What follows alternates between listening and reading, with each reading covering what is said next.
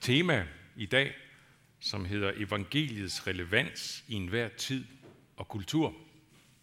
Og øh, der har jeg valgt en tekst, så altså, vi er jo sprunget lidt ud af det her normale tekstforløb, som vi ellers er en del af, og hele folkekirken er en del af, men, øh, men vi har så altså sprunget ud af det nogle, nogle søndage, Daniel og jeg, øh, og jeg har valgt en tekst fra 2. Korintherbrev, kapitel 5, som vi skal høre nu. Er nogen i Kristus, er han en ny skabning. Det gamle er forbi. Se, noget nyt er blevet til. Men alt dette skyldes Gud, som forligte os med sig selv ved Kristus og gav os forligelsens tjene, tjeneste. For det var Gud, der i Kristus forligte verden med sig selv, og ikke tilregnede dem deres overtrædelser, men betroede os ordet om forligelsen. Så er vi altså udsendinge i Kristi sted, i det Gud så at sige formaner gennem os. Vi beder på Kristi vegne. Lad jer forlige med Gud. Ham, der ikke kendt til synd, har han gjort til synd for os, for at vi kunne blive Guds retfærdighed i ham. Nu det her tema, evangelisk relevans øh, i enhver tid og kultur, hvad, hvor, hvorfor, øh, hvorfor er det tema vigtigt? Det vil jeg godt lige starte kort med og, og det spørgsmål. Hvorfor er det tema vigtigt? Ja, det er da vigtigt, fordi øh, vi har altså det her overordnede øh, tema, som vi har sat øh, for fire søndage, og nu er vi kommet til den anden, nemlig det her med at være kirke i byen. Vi kalder os nok så fint og smukt Aarhus Bykirken. Hvad vil det sige så, at vi er kirke i byen? Og øh, hvis vi skal kunne være kirke i byen med lyst og glæde og lidenskab endda, ja, så kræver det, at vi har at vi har tro på evangeliets relevans derude i byen for de mennesker, vi mødes med hver dag, som ikke tror på det. Kan det være, at nogle af jer er her, som faktisk ikke tror på det endnu, som ikke rigtig ved, om I tror på det, ikke rigtig har fået det indenbords. Velkommen skal I virkelig være, og givet I også må mærke relevansen i det nu i dag. Men for alle os, som, som har taget det indenbords, har taget det til os evangeliet og tror på det, så tror jeg, at det er sådan – at der er en stigende tendens til, at det er blevet en udfordring for os, det med at tro på, at evangeliet ikke bare har relevans for os, men har relevans for alle dem, der ikke tror på det. Alle dem, som vi sådan møder til daglig derude i byen på forskellige vis. Vi kan meget let komme til det sted der, eller det, hvad skal man sige, det, den øh, stemning, at det har måske ikke så meget relevans. Nu hvor vi lever i et samfund, som jo, det ved vi jo alle sammen, er mere og mere afkristnet, mere og mere sekulariseret, og hvor vi så kan føle, at vi på en måde lever i en boble. Alle vi, som tror på evangeliet, vi lever ligesom i en boble. Derinde i boblen, der, der tror vi på det, og der giver det mening, men når vi træder uden for boblen, der, så ved vi ikke rigtigt. Det er som en, en torums tænkning eller torums virkelighed, vi næsten er i. Det ene rum, ikke, det er stærkt farvet af Gud, af evangeliet, af Kristus, af troen og alt det her. For eksempel når vi helt konkret mødes her i kirkerummet, ikke, så, så er vi jo her, hvor det i den grad er farvet af evangeliet og troen og alt sammen.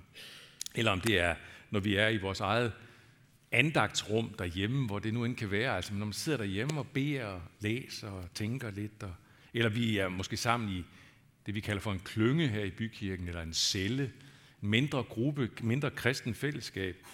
Men så træder vi uden for det der, både bogstaveligt og i overført betydning, ud i, i hverdagen, ud på studiestedet eller arbejdspladsen, eller hvor vi hører til i hverdagen. Og så er vi ligesom ude i et helt andet rum, hvor troen på Kristus, troen på nåden, troen på Guds troskab, ligesom fordamper lidt, forsvinder lidt for os, fordamper lidt også ud af os selv, så det er som om, at vi der træder ud i en hverdag og tænker og handler og taler, uden at det rigtigt er i vores bevidsthed.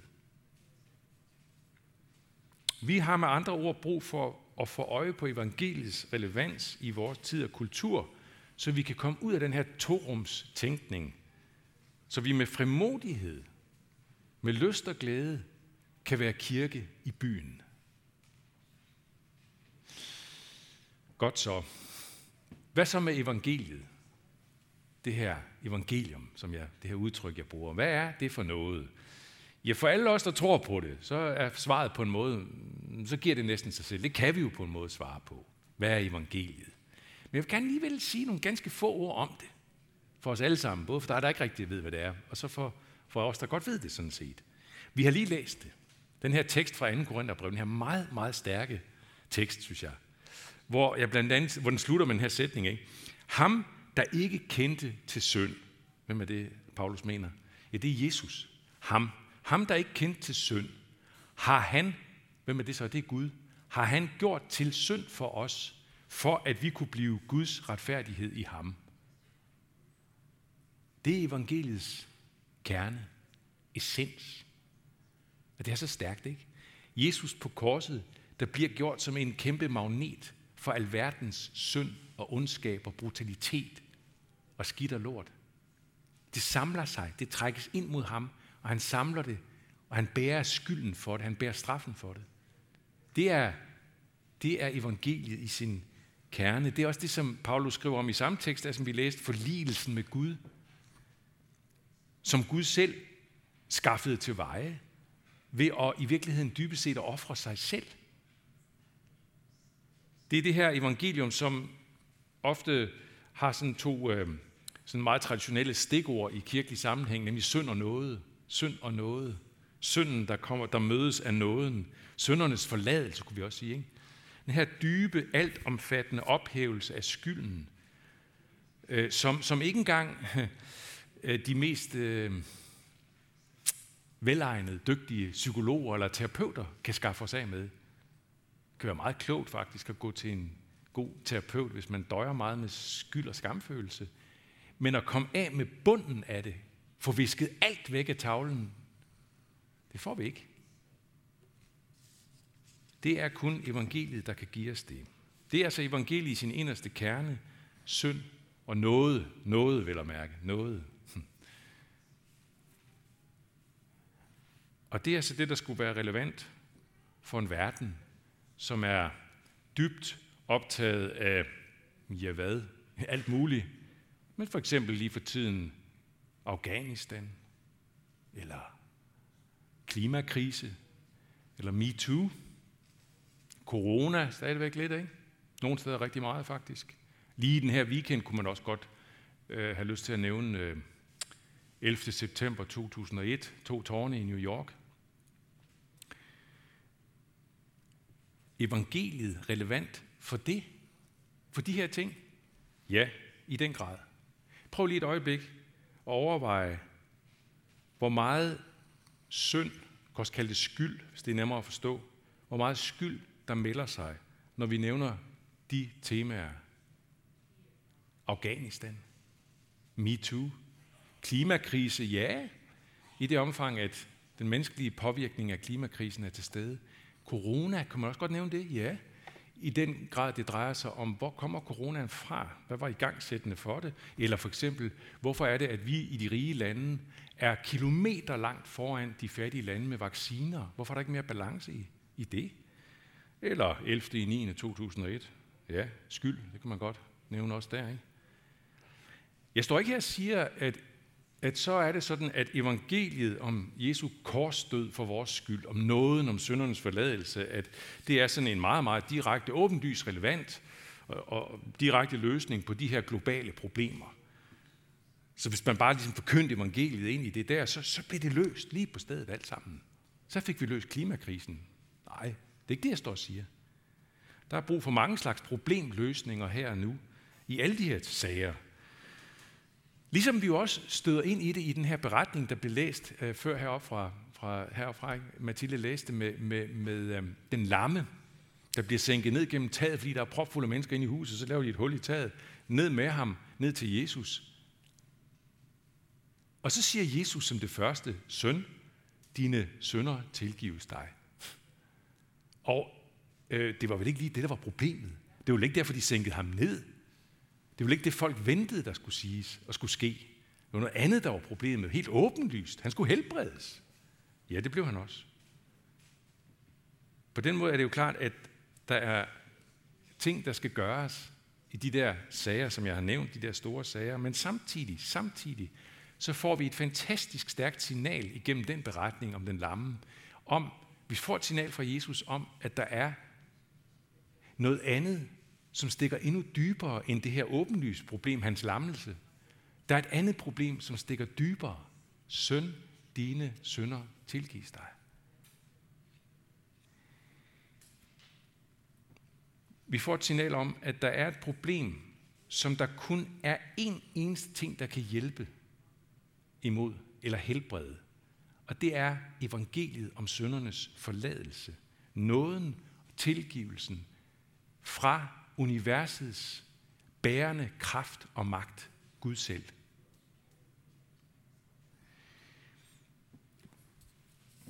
Øh, der var en engelsk filosof, han var sådan øh, socialistisk farvet, øh, han hed C.M. Joad, som øh, han, han øh, døde i 1953, året før. Han var, han var ateist igennem hele sin virksomhed, men så i 1952, altså året før han døde, så udgav han en bog, som han kaldte for troens genoprettelse, hvor han fortæller, at han er vendt tilbage til troen.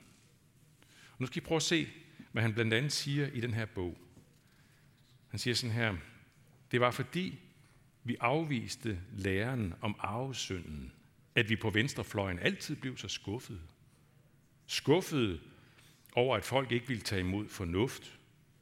Skuffede over nationernes og politikernes adfærd, og frem for alt skuffede over krigen som et tilbagevendende fænomen.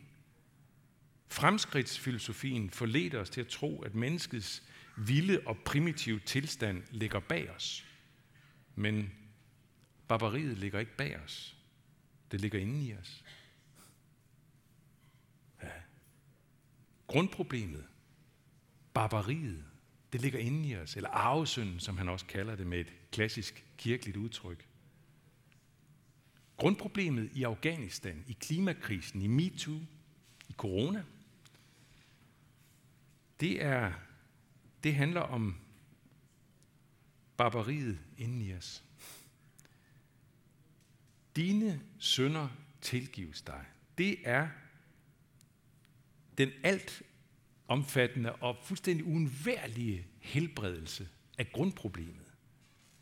Og det er det, der gør, at evangeliet er relevant til alle tider og i alle kulturer.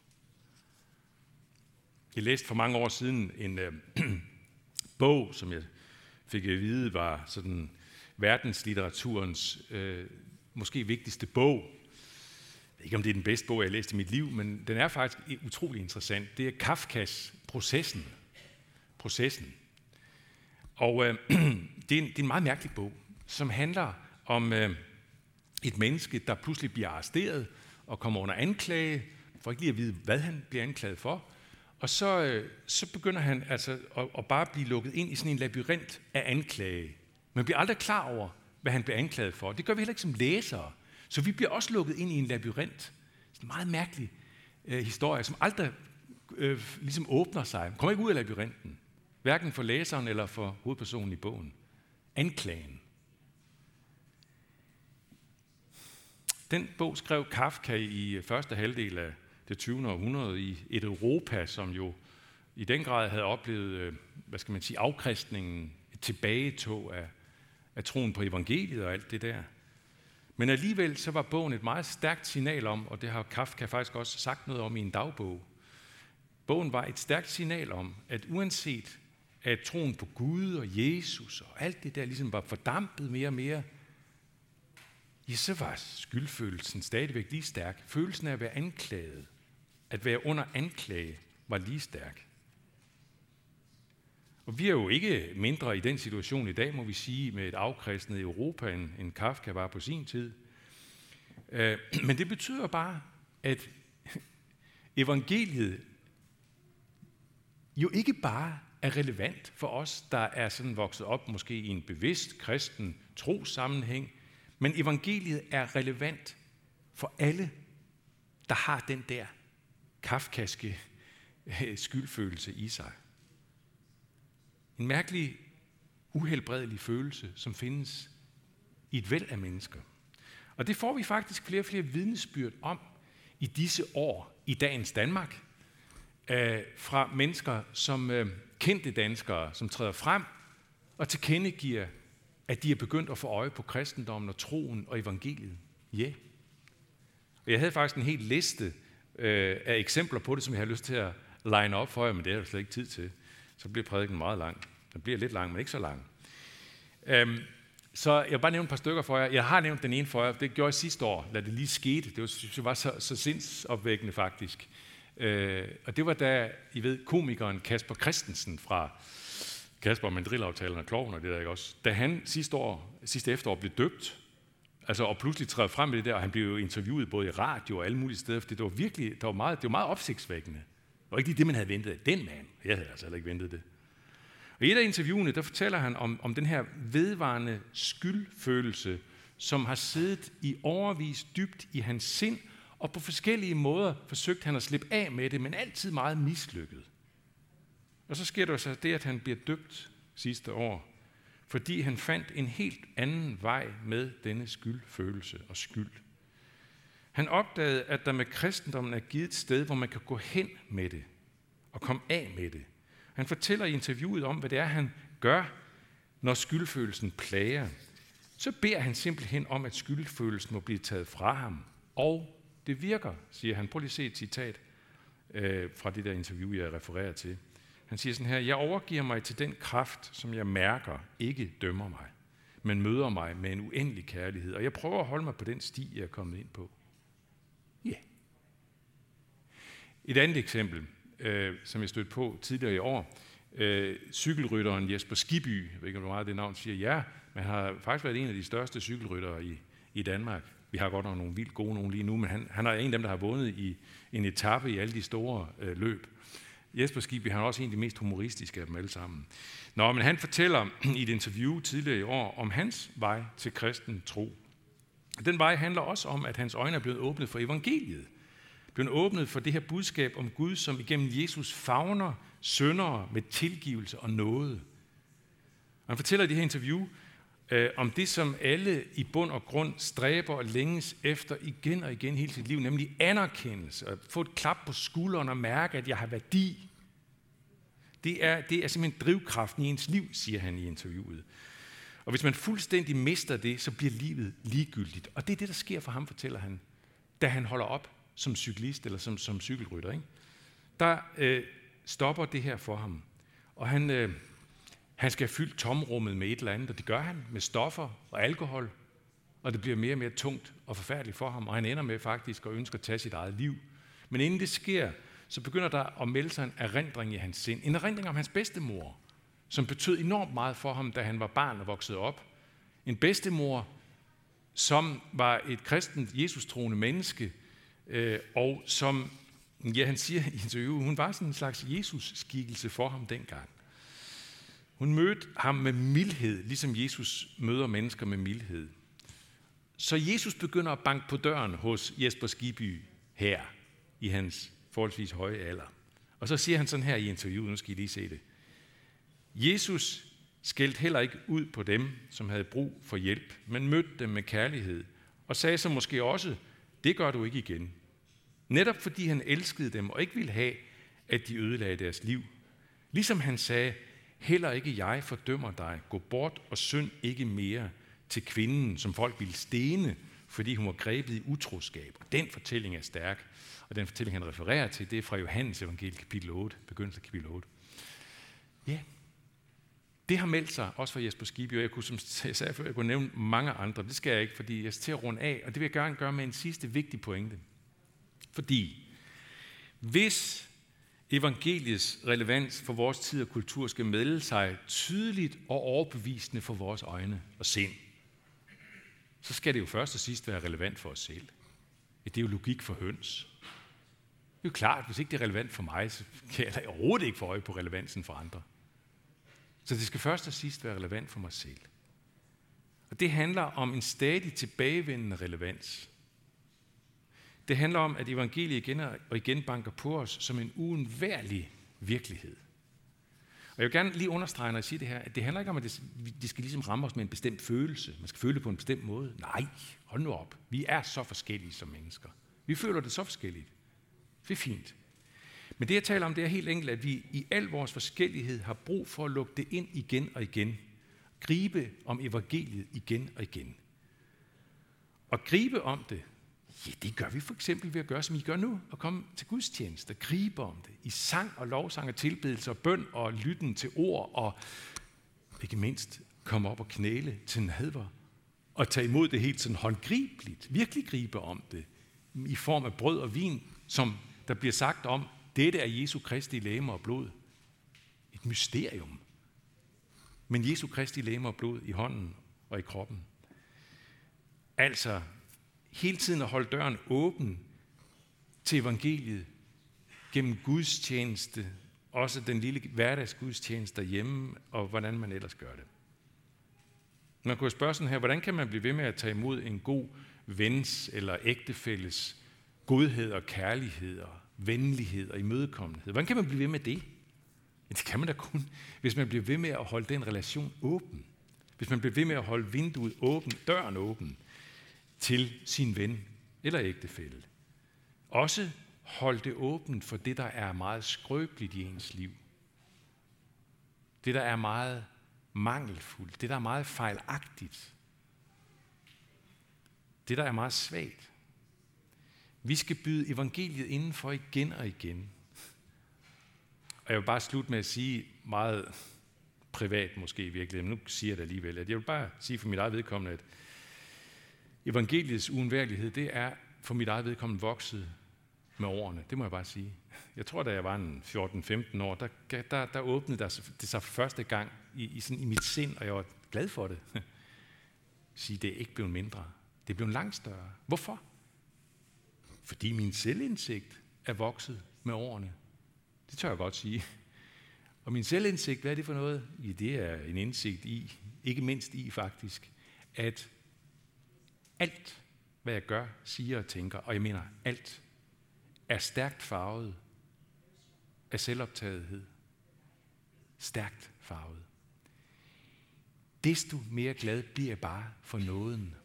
Her står jeg og prædiker til jer, op på den her prædikestol. Jeg har vist sagt det før, ikke? Jeg står her og prædiker og håber, at der er nogen dernede, der beundrer mig. Det kan næsten få mig til at tænke, at jeg, skal, jeg, skal slet ikke, jeg skal slet ikke gå op og prædike, fordi jeg skal ikke, det er jo ikke det, jeg skal søge beundring. Nej, men jeg står i korset. Jeg står i nåden, så jeg kan tør godt stå op alligevel og prædike, selvom jeg er selvoptaget.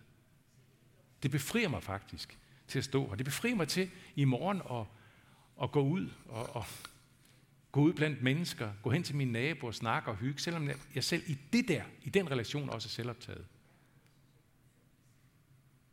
Men jeg gør det i nåden. Og det gør mig fri, altså. Det kan få mig til at, det, det, det retter ryggen på mig. jeg kan se folk i øjnene med stor frimodighed og glæde, fordi nåden er der. Alt er under nåden. Gid, det må blive ved med at være sådan for mig, og gid, det må blive ved med at være sådan for jer, eller må blive sådan for jer, hvis det ikke er det endnu. Og jeg siger igen derfor også i dag, lov, tak og evig ære være Gud, vor far, søn og helligånd, som var, er og bliver en sand treenig Gud, højlovet fra første begyndelse nu og i al evighed. Amen.